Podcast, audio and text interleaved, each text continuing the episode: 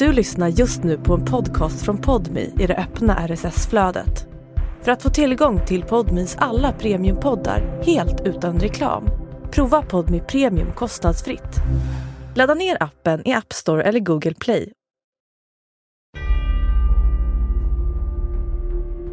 Folk ser mig som ett monster, jag vet det som ett avskum. Förstår? Jag är inget monster, inget avskum. Hänger du med? Okej, okay, jag tog ett liv. Jag det är en väldigt stor grej i mångas ögon.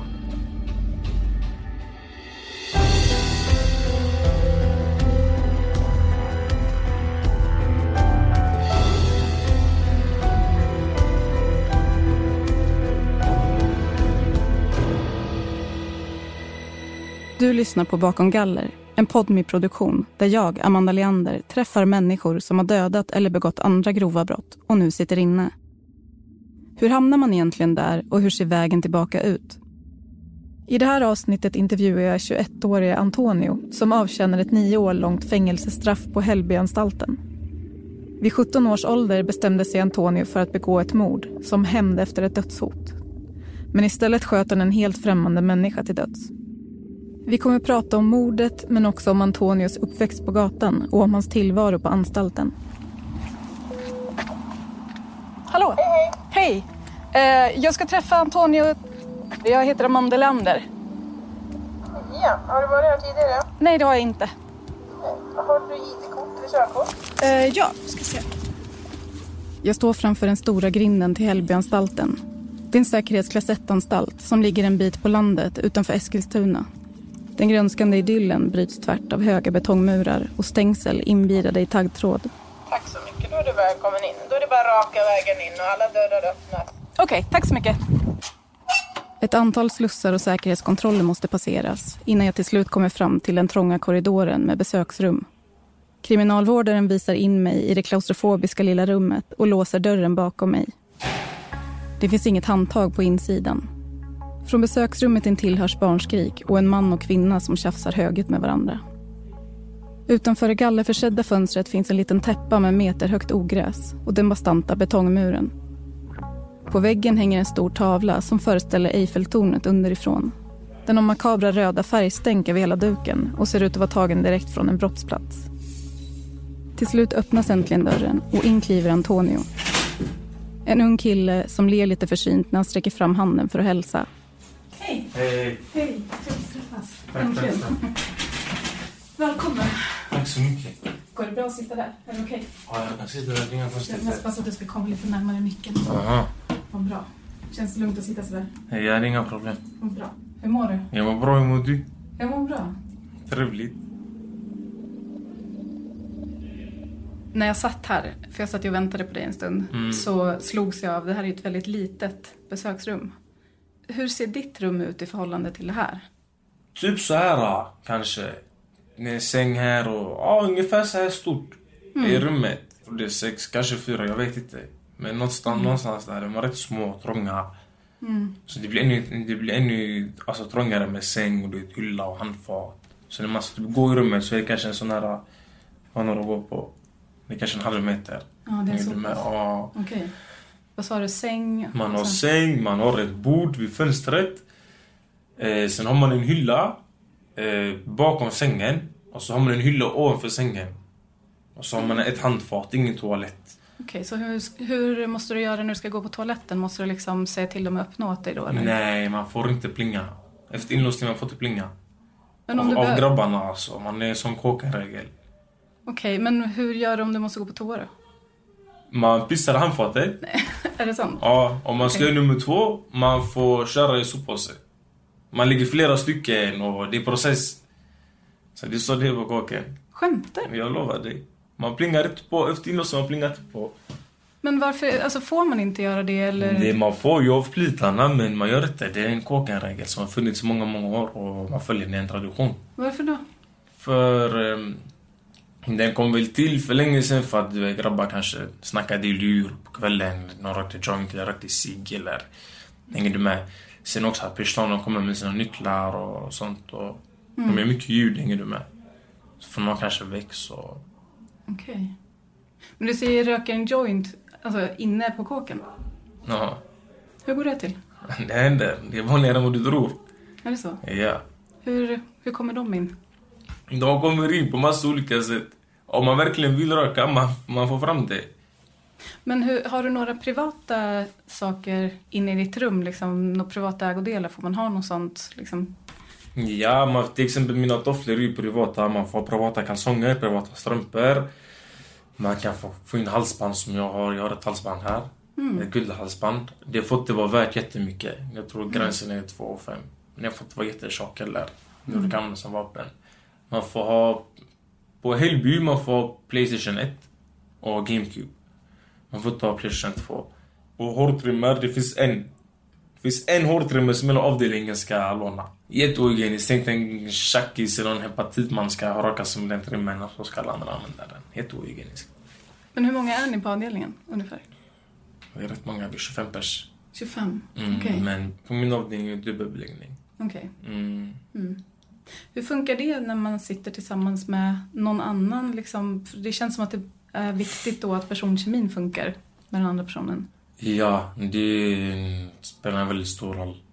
Alltså, det kan bli jobbigt om man delar cell med någon som man inte snackar med, som man inte har någonting gemensamt med, som man inte klickar med. Det kan uppstå bråk i värsta fall. Om det blir rätt jobbigt kanske om det blir på kvällen. Mm. Eh, för man blir inte på plitarna. Man bråkar direkt. Så, ah, nu har jag bråkat med nära kom. Man gör inte det. Varför gör man inte det? För att det är en kåkmentalitet. Man ska inte ha någonting med dem att göra. Förstår du? De är svin. De behandlar oss dåligt, hänger du med? De är inte bra mot oss. De... De gillar sin makt och de utövar den så mycket som de bara kan. Så det är en väldigt tydlig uppdelning? Ja, ja, ja, ja, ja. Det är vi mot dem. det är så? Det är så det är. Det är på vissa avdelningar, de, det beror helt enkelt på, på alla olika avdelningar på, på klimaten. På vissa avdelningar, det, man, kan, man kan skratta och skoja med dem. På vissa avdelningar, man går bara till om man behöver någonting, knappt det. Hur känns det där du är nu då? Där jag är nu, jag har kommit till en lugn avdelning eftersom det är bättre där. Du vet, man kanske kan få villkor eller... Jag har kämpat för att komma dit, förstår du. Jag har försökt att sköta mig och sånt.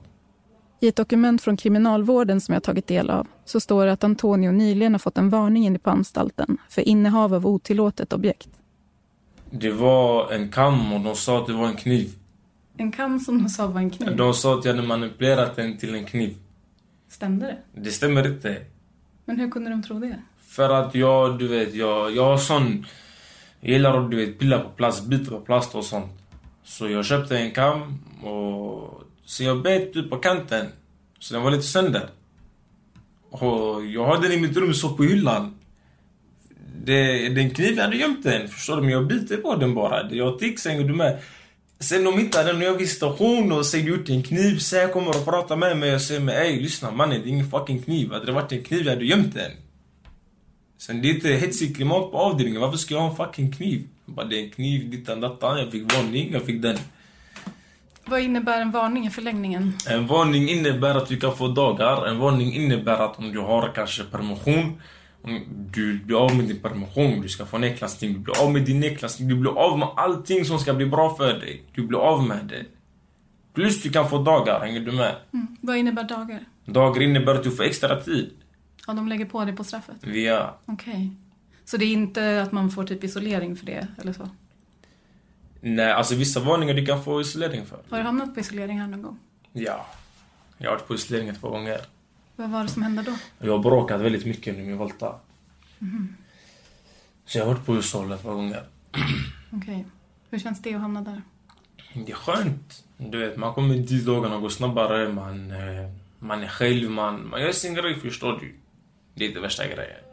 Hur kan dagarna gå snabbare på isolering? Mm, de går snabbare. Det, du har dina rutiner, du, du vet, du vaknar vid den här tiden, du äter din frukost, du går på din promenad, du tar din dusch. Sen du är färdig. Du går in till din cell, du kollar på dina program, du kanske skriver ett brev, läser bok, tränar. Det du nu gör. Dagen går så, ta, ta, ta, ta, ta. Dagarna går jättesnabbt. Så om jag är på isol, jag vill helst vara på isol ett tag, hänger du med? För att det är skönt, vet, det är lugnt. Så du ser inte det som ett extra straff egentligen? Nej, det är inte värsta grejen. Många tycker säkert att det är jobbigt och sånt, men det är inte värsta grejen. Och jag tror att det är många kåkengrabbar som håller med mig att det är så det kan vara skönt ibland. Det kan vara skönt ibland faktiskt. Såklart man vill ju träffa folk och sånt också, ha kul men man blir ju van. Och så ja, häktet gick också jättesnabbt. Tycker du att tiden gick snabbt på Ja, häktet? men det går snabbare på häktet än vad det gör på anstalt. Hur kommer det sig? Samma där. Dagarna går snabbare, man är själv, man har sina rutiner. Allt går jättesnabbt. Brrr. Men jag vet att de flesta av mina vänner, de vill, de vill vara i häktet så länge som det bara går. För att det går mycket, mycket snabbare. Det är skönare att sitta på häktet. Eller när jag var i häktet, det var lite annorlunda. Då det fanns cash. Hänger du med? Då man levde. Jag, kunde, jag hade grejer för hela veckan. Om det inte var bra mat, jag kunde äta någonting annat. Vad jag, fick, vad fick du Say hello to a new era of mental health care. Cerebral is here to help you achieve your mental wellness goals with professional therapy and medication management support. 100% online. You'll experience the all new Cerebral Way, an innovative approach to mental wellness designed around you. You'll get a personalized treatment plan from a therapist, prescriber, or both in a safe and judgment free space. Your Cerebral therapist or prescriber will outline a customized plan with clear milestones along the way so you can get to feeling your best. With Cerebral, you're not alone in your mental health journey. We're here to empower you to live a fulfilling life.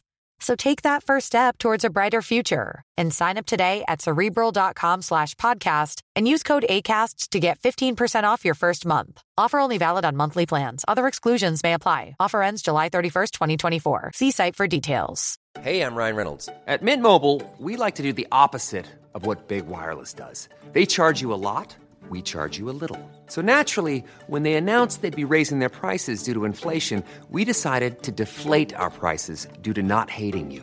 That's right. We're cutting the price of Mint Unlimited from $30 a month to just $15 a month. Give it a try at mintmobile.com slash switch. $45 upfront for three months plus taxes and fees. Promo rate for new customers for limited time. Unlimited more than 40 gigabytes per month. Slows. Full terms at mintmobile.com.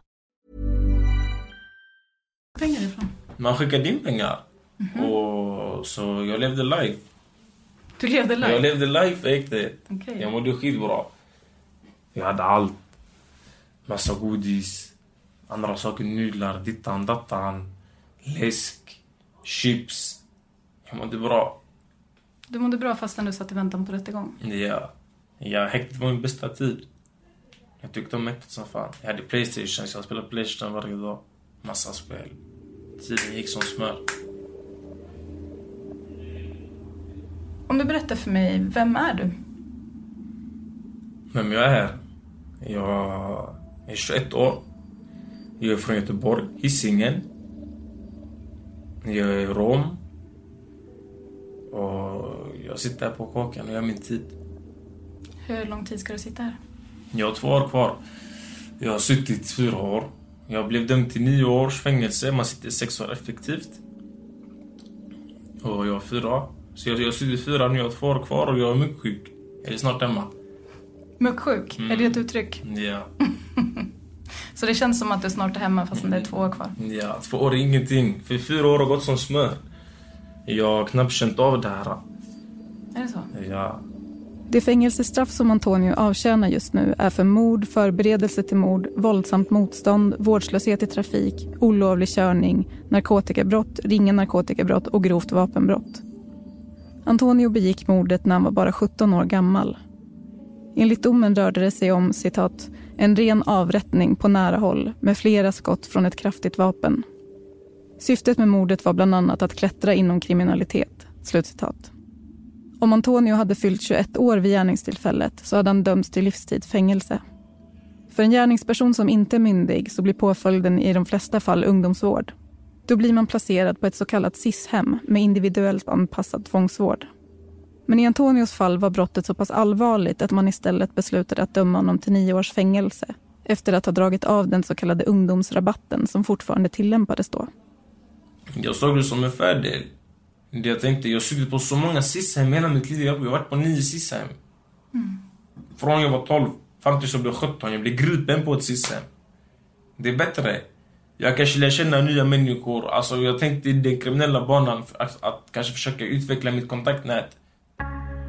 När Antonio är 12 år gammal omhändertas han för första gången enligt LVU, lagen om vård av unga. Bland annat ska han ha ägnat sig åt snatteri och blivit påkommen med innehav av narkotika. Vid den här tiden bodde han redan på ett så kallat HVB-hem, hem för vård och boende. Men nu placeras han alltså för första gången på ett SIS-hem för tvångsvård. Och det blir långt ifrån den sista. Du blev omhändertagen redan som treåring, eller hur? Ja, exakt. Det stämmer. Varför blev du det? För att mina föräldrar missbrukar.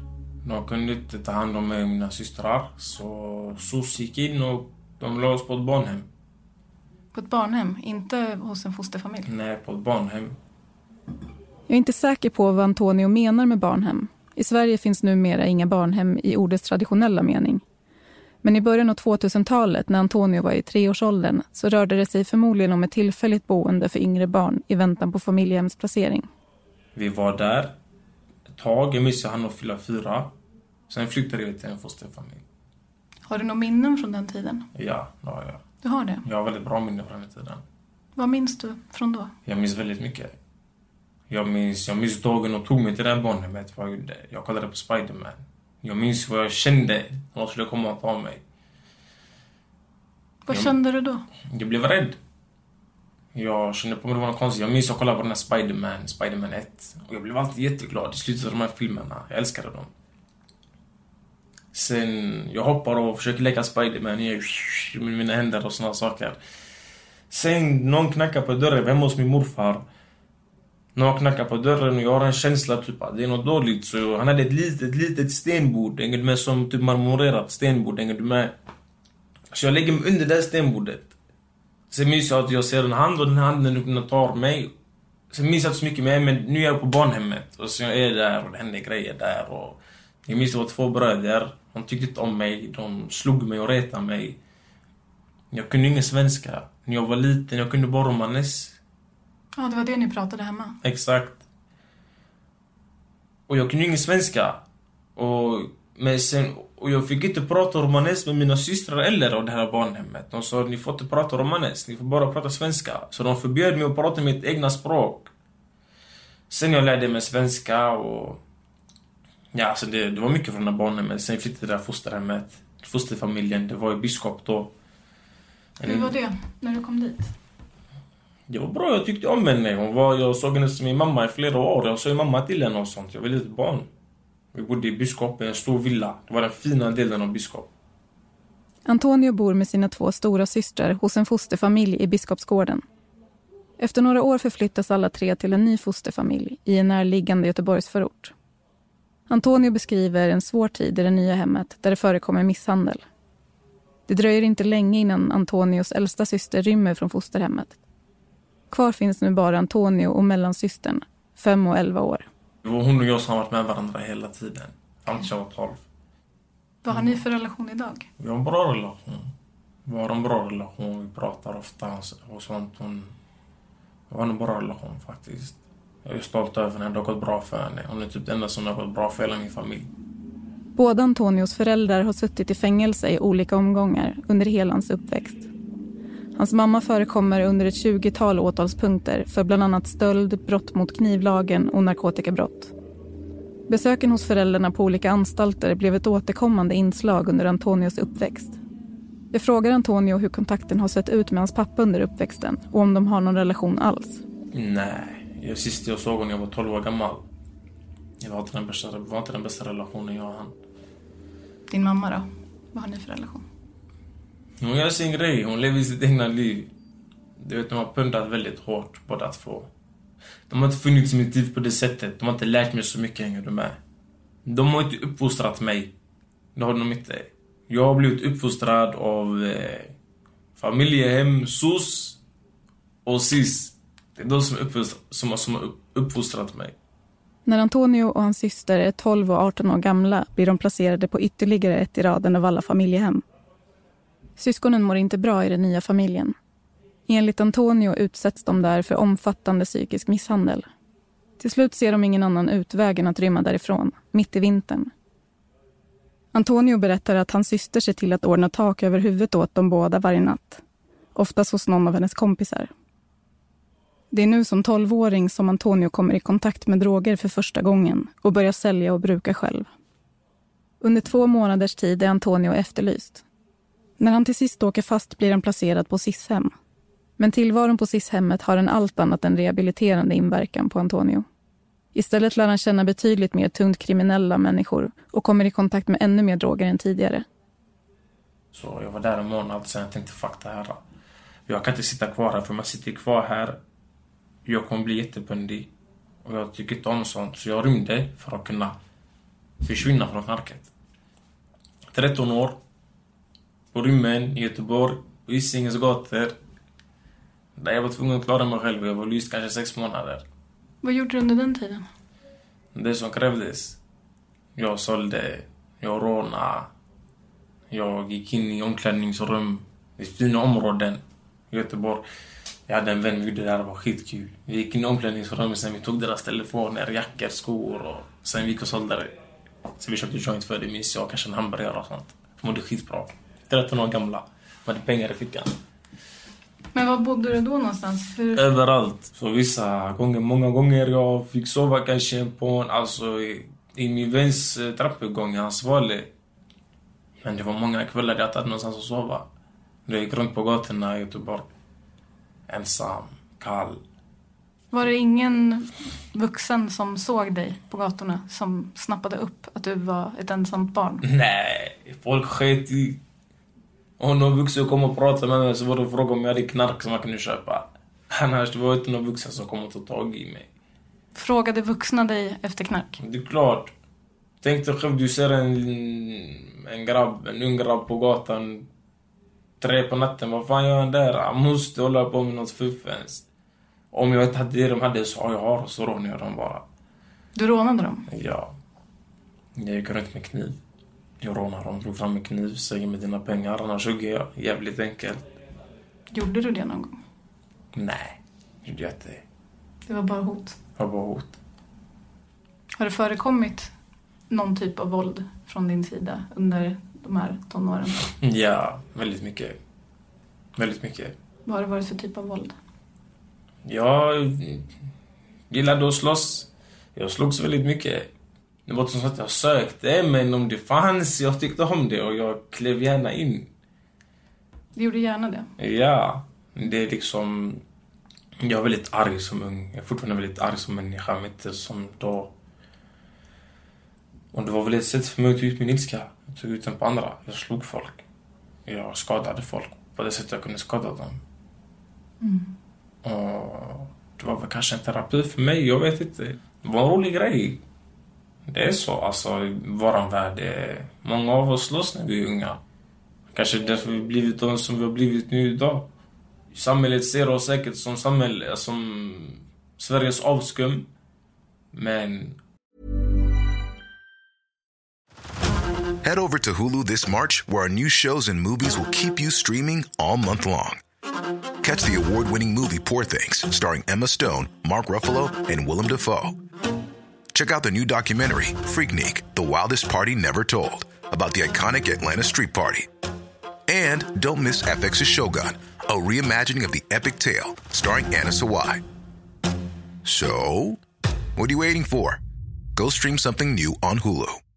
Cool fact a crocodile can't stick out its tongue. Also, you can get health insurance for a month or just under a year in some states. United Healthcare short term insurance plans, underwritten by Golden Rule Insurance Company, offer flexible, budget friendly coverage for you. Learn more at uh1.com. vi är liksom inga, alltså, vi är monster på det sättet, vi är också människor. Eh, vi har gjort de här handlingarna, men det gör oss, det gör oss inte till monster. I alla fall inte vi som är kriminella på det sättet, alltså vanliga kriminella, eller, eller vanliga kriminella, våldtäktsmän och sånt, det är annan femma. Är det vanliga kriminella? Det är inte vanliga kriminella. Det där är avskum på riktigt. Så du menar... Våldtäktsmän och kvinnomördare och sånt. För att deras syfte är att gå och skada oskyldiga människor. Förstår du? Det är inte vårt syfte. Men vad är ditt syfte då? Mitt syfte är att ge pengar, eller hänger du med? Alltså förstår du, den här kriminella banan. Eh, så som man har, alltså så som en kriminell tänker, jag vill göra pengar först och främst. Handlar allt om pengar? Mycket handlar om pengar. Vad kan det mer handla om? Jag vet inte, makt, dittan, dattan, status, status. Det kan handla om mycket. Det kan handla om många olika faktorer. Det kan handla om att folk vill söka rush, dittan och dattan. Hänger du med mig? Jag tror att den största moroten för alla, det är pengar. Var det det för dig också? Innan du hamnade här? Var Ja, bland annat. Bland annat. Det var pengar. Jag var väldigt ung när jag torskade. Jag blev misstänkt för det här brottet. Jag gjorde det här brottet när jag var 17 år. För att jag, jag sitter ju för mord, jag sitter för förberedelse till mord och vapenbrott och massa andra saker. Den 14 november 2018 förändras den 17-årige Antonios liv för alltid. Han har just utsatts för dödshot med en pistol riktad mot huvudet.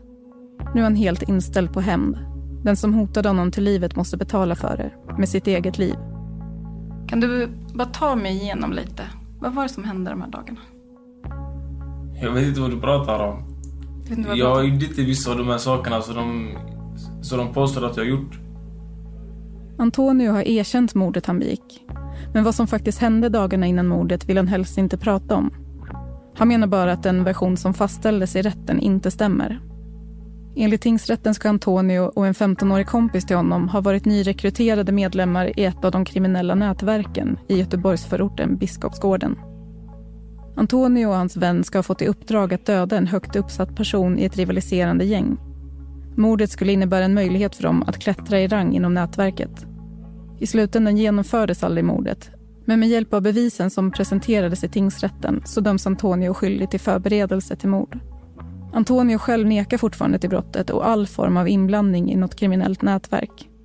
Däremot har han erkänt sig skyldig till ett mord som skedde några dagar senare på en helt främmande 24-åring. På kvällen den 14 november 2018 satt mannen och pratade i telefon på en bänk när Antonio gick fram till honom och sköt honom till döds på nära håll med flera skott. Själv menar Antonio att den person som han berövade livet inte var den person som han trodde att det var. Det här är Antonios version av vad som hände. Vad jag gjorde de här dagarna. Mm. Din berättelse. Jag gick runt på Hisingens gator. Jag mådde bra. Jag gick runt, jag softade, jag sålde knark. Jag chillade till mig. Sen det här mordet som hände, det hände. Berätta om det. Vad finns det att berätta om? egentligen? Berätta om den dagen. Vad var det som hände den dagen? Jag sköt en kille. Mm. Jag sköt en kille. Och det finns inte så mycket mer att berätta. Alltså, det här är ett väldigt känsligt ämne. Det som har kommit fram i, under rättegången var ju att det var fel person. Det var fel person. Vem var rätt person? Det var en annan person. Det var inte han. Men eh, det blev fel. Hade du planerat att göra det innan? Alltså? Det var ingen... Inte på det sättet, nej. Det var inte Men- planerat. Men du bar ju vapen. Så det måste Ja. ha varit någon slags planering. Det var, ingen, det var ingen planering. Brukar du bära vapen? Nej, det hände kanske. Du råkade ha det den. Jag råkade ha det den dagen.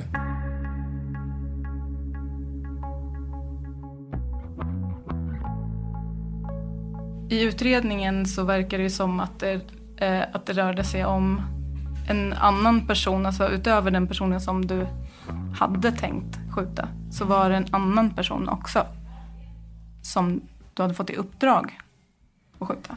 Det är deras åsikt, det är vad de påstår, men det är inte så. Det har ingenting med sanningen att göra. Det har ingenting med sanningen att göra. De påstår att det har med den konflikten att göra som finns i det här området. Vilket jag inte har någonting med att göra med. Jag vet inte vart de fått för, för sig de här sakerna.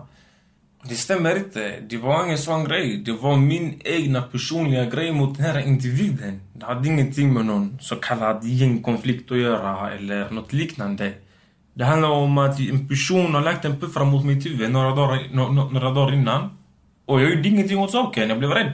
Jag var 17 år, jag blev rädd. Tänkte, oh shit. Jag plötsligt hade ingen pistol på mig. Hade du fått en pistol mot huvudet? Alltså bokstavligen? Jag fick en pistol mot huvudet. Okej. Och jag tänkte, shit. Sen folk pratade om det. Ey, han fick en puffra mot huvudet. Han gjorde ingenting åt saken. Han har inte gjort någonting. Dittan, dattan. Och det blev ett dåligt rykte. Och jag tänkte, jag bara, det kan inte vara så. Förstår du? Jag är kriminell. Jag har ett rykte. Dittan, dattan. Du vet, många sådana faktorer som, som spelar in.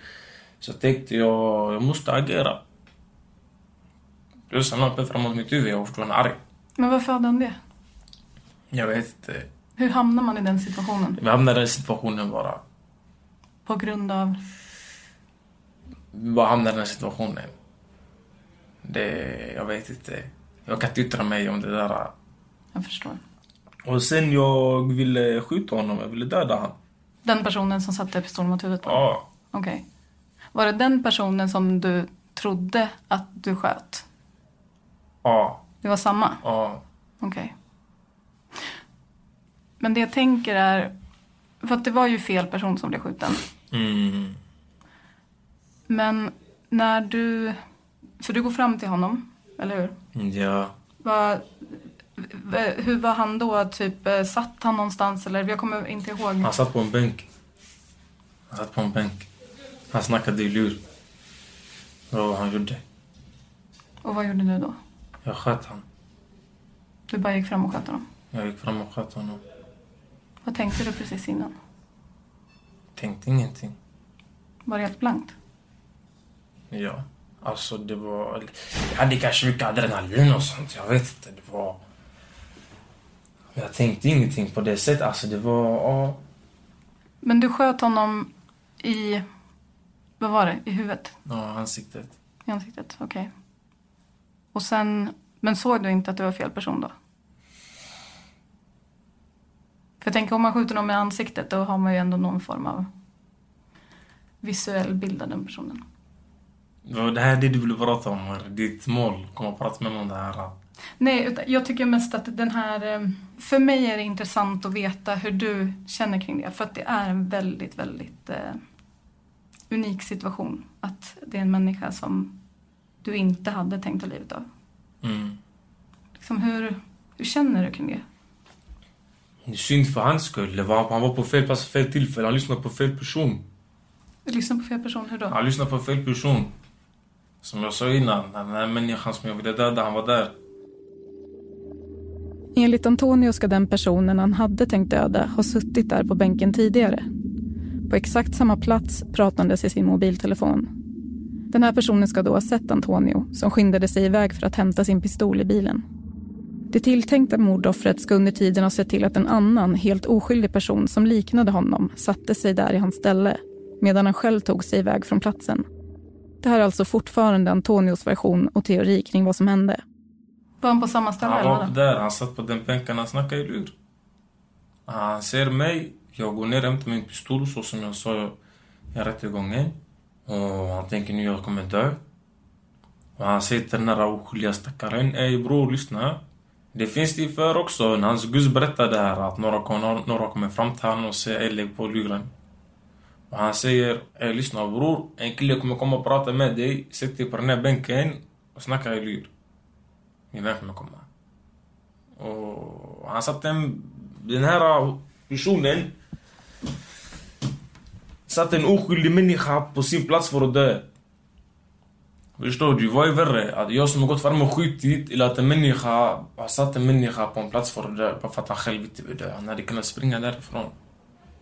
I förundersökningen framkommer det att mordoffret ska ha pratat i telefon med sitt ex när han satt där på bänken. I det inledande förhöret säger hon att hon hörde hur det kom fram några personer och hälsade på honom. Sen sa en av dem med aggressiv röst “lägg på luren”. Det var det sista hon hörde innan samtalet bröts. Och det är allt man egentligen vet om vad som blev sagt dem emellan. Från början så var det den personen som du hade tänkt skjuta. Så han var där från Han var början. där. Jag är inte dum i huvudet. Det är lyssnare som kanske tror det. Nej, Det jag är är det mest... det handlar om. Det handlar om att jag har sett människan som jag vill ta livet av. Jag har sett han. Han är där. Han står där. De ser likadana ut. De var lika alltså. De ser likadana ut alltihopa. Han snackar lur. Han sitter på bänken, han snackar lur exakt så här. Han lutar sig lite framåt. När jag kommer tillbaka, han sitter exakt på samma ställe. Han lutar sig framåt och snackar i lur. Som att han har inte flyttat sig en centimeter. Jag kommer fram och gör min grej. Jag skjuter honom i ansiktet. För mig det såg ut som samma person. I vilket skede fick du veta att det var fel person? En, två dagar efter, jag minns inte. Ja, så pass lång tid efter alltså. Mm. Vad gick igenom ditt huvud då? Vad som gick igenom mitt huvud då? Alltså jag kände inte så mycket om jag ska vara ärlig. Gjorde du inte? Nej. Jag gjorde inte det. Alltså det... Jag kände bara typ, men fan. Jag tänkte det var synd för honom. Men jag hade väl inte... Alltså förstår du, jag... Det var inte så att jag skrattade eller var glad för det. Det var mer typ den... Ja, Okej, det var inte så det skulle gå till. Det var att han skulle dö, förstår du. Så det var mer typ, det var typ så jag tänkte. Men det var inte att jag låg sömnlös och grät och drog av mitt hår. Det var typ på den nivån. Alltså det var inte ens i närheten. Alltså jag tänkte, oh shit, oh, det var fel kille. Vad ska man göra? Okej, okay, man vill ha i frid. Okej. Känner du fortfarande så, eller var det en känsla då? Jag känner fortfarande så. Alltså jag kan inte göra någonting åt saken. Det är jättesynd om han och om hans familj. Och jag beklagar verkligen att jag tog deras sons liv. Men det var inte hans liv jag ville ta. Förstår du? Det var inte hans liv jag ville ta. Och det är synd, men det är som det är. Det har hänt.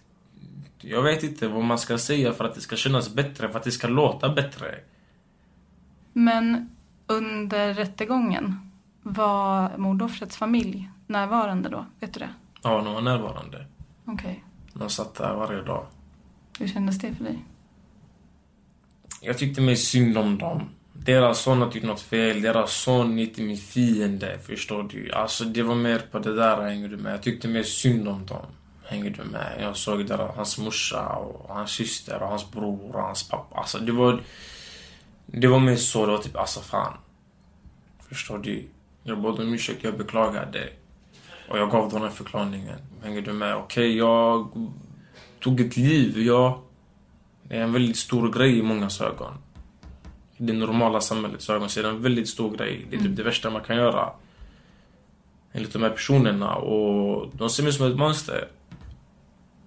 Men egentligen jag är inte ett sånt monster som man kanske vill tro. Jag är inte det. Jag är ett ont. Ingen elak människa, förstår du? Jag har onda tankar, jag har ett ont hjärta. Alltså jag är, jag är snäll som människa om jag ska vara ärlig. Jag är jättesnäll. Okej, okay, jag tog ett liv. Ja. Jag känner inte värsta ångern för det. Jag mår inte dåligt, jag gråter inte för det. Nej, det gör jag inte. Du har inte gjort det alls? Nej. Men det gör inte mitt ett monster.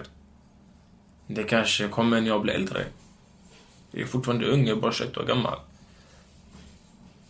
Jag känner inte ånger över så mycket, men det kanske för saker jag har gått igenom. Jag vet inte, jag måste skylla på det. Under samtalets gång har det blivit allt mer uppenbart hur formad Antonio är av sin uppväxt och de förhållanden han har levt i.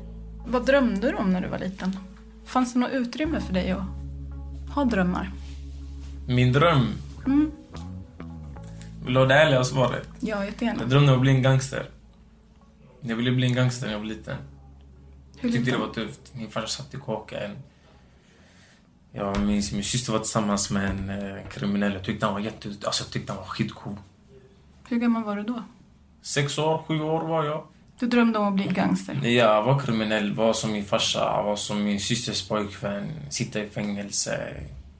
Tyckte det var... Alltså, även om jag inte fattade när jag besökte honom att det var ett fängelse så var det någonting. Jag såg murarna, du vet, taggtråden, dittan, dattan. Och jag, tyckte, jag vet inte varför jag tyckte det var coolt. Jag minns typ till exempel många av mina barnfilmer, om inte det var Spiderman och sånt, det var du vet de här gangsterfilmerna, Blood in Blood out, Scarface. Det var liksom de filmerna jag växte upp med, förstår du? Du kollade på det som barn alltså? Ja, det var det jag tyckte om. Det var liksom det som jag tänkte, yes. Jag tyckte om de här spelen, GTA, jag vet inte vad. Och jag tyckte om den här skiten. Jag tyckte om den här rapmusiken. Tupac, 50. Jag såg deras videos och tänkte oh my god. Walla vad är det här? De är helt sjuka. De går runt där, visar puffar jag vet inte vad. Jag tänkte det var skitcoolt. Hur ser du på det idag? Är det någonting som lever kvar i dig? Nej, idag har jag andra drömmar och mål. Vad har du för drömmar och mål? Jag har drömmar och mål. Jag vill bli, alltså, jag pluggar för fullt för att kunna bli mäklare.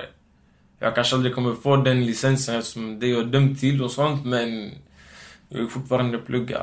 Jag läser mycket böcker. Jag, jag, jag vill göra alltså, företag och sånt. Det är min grej. Jag tycker om sånt. Alltså, jag... Vad då för företag? Bara öppna olika företag. Kanske en restaurang eller någon franchise eller någonting. Eller... Jag bara vill ha företag. Jag vill liksom utveckla mig inom det där området så mycket som det bara går och kanske bli någonting. Jag har drömmar i alla fall. Men vad tror du kommer se annorlunda ut den här gången när du muckar? Hur ser förutsättningarna ut för att du ska kunna lämna det kriminella bakom dig? Och få den här nystarten? De ser bra ut kanske, jag vet inte. Det är bra, det är många faktorer som spelar, in, som spelar roll om det här. Det är inte så enkelt som man kanske hade velat tro. Sen, alltså, man får inte den här rätta hjälpen på kriminalvården. Vad gör de för oss? De gör oss det programmet. Vad fan ska det programmet hjälpa oss? Det hjälper ingenting. Vad har du gått för program här? Just nu jag har gått puls, inte puls, alltså jag har gått one-to-one men alltså liksom, jag lärde mig ingenting. Inget vettigt. Jag kunde redan de här sakerna. Vad går det programmet ut på? Jag vet inte. Alltså det går ut på att man ska försöka tänka andra banor. Jag vet inte. Alltså det är bara strunt. Det funkar inte. De här programmen funkar inte. Kriminalvården kommer inte göra någonting för mig när jag muckar. Vad ska de göra? Jag ska gå något sånt. Alltså de kommer inte med vettiga saker. De, om det kommer till våld, de säger med bit. Det till 10 sekunder. Men vad ska det hjälpa mig? Det hjälper inte. De gör ingenting. De vill inte lägga resurser på att verkligen hjälpa oss. De vill inte. De vägrar. De vill bara straffa och göra det värre. Höja straff och bara fucka upp oss.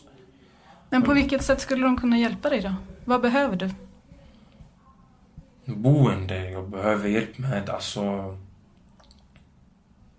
Boende är viktigt. Jag vet inte. Kanske andra förutsättningar. Jag vet inte. Jag vet själv inte. Men jag vet i alla fall att de inte kommer med den rätta hjälpen. Förstår du? De, de, de låter mig inte ha kontakt med vem som helst.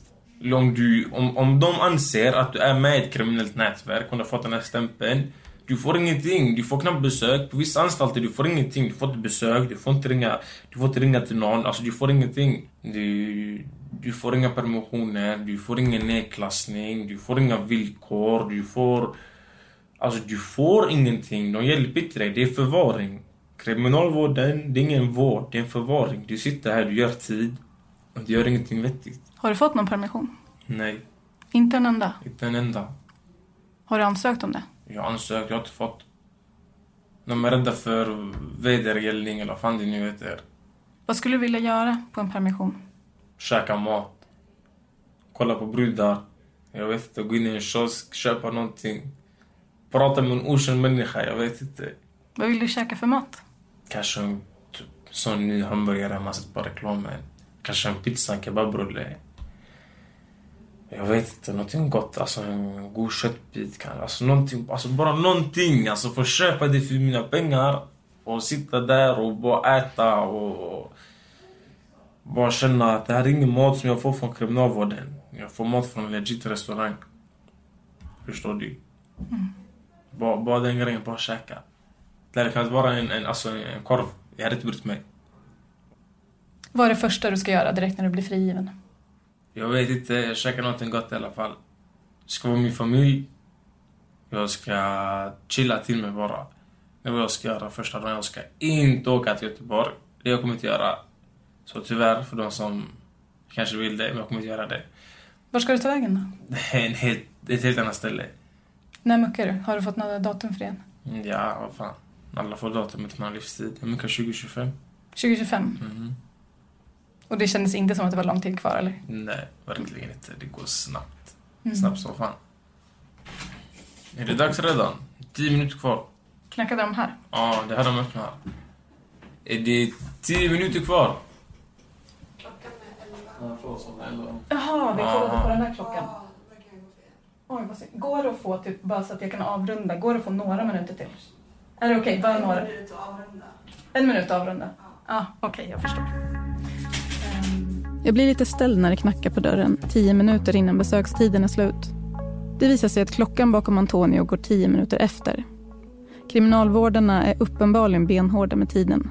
Vi får ganska exakt en minut på oss att snabbt avrunda.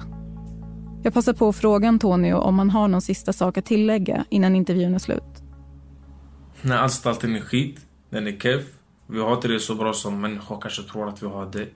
Vi har inga pengar. Vi har inga möjligheter till någonting. Det är på förvaring. Så som det ser ut nu i kriminalvården, vi kan inte bli bättre människor för de hjälper oss inte. Vi är fortfarande människor, vi är inga djur. Vi behöver få lite medmänsklighet från personal och från beslutsfattare. Liksom det... Vi har det tufft på kåken. Tro det eller ej, vi har det tufft. Ja. Tack för minuten. Ja. Du, stort tack för att du var med. Inga problem. Tack själv för att du kom hit. Du får ta hand om dig så länge. Det- detsamma. Det var trevligt att träffas. Ja, hej. Hej. Du har lyssnat på Bakom galler, en podmi produktion av Tredje Statsmakten Media. Producent Anna Johannesen, slutmix Elin Rosenberg och jag heter Amanda Leander. Exekutiv producent hos Podmi är Sofia Neves.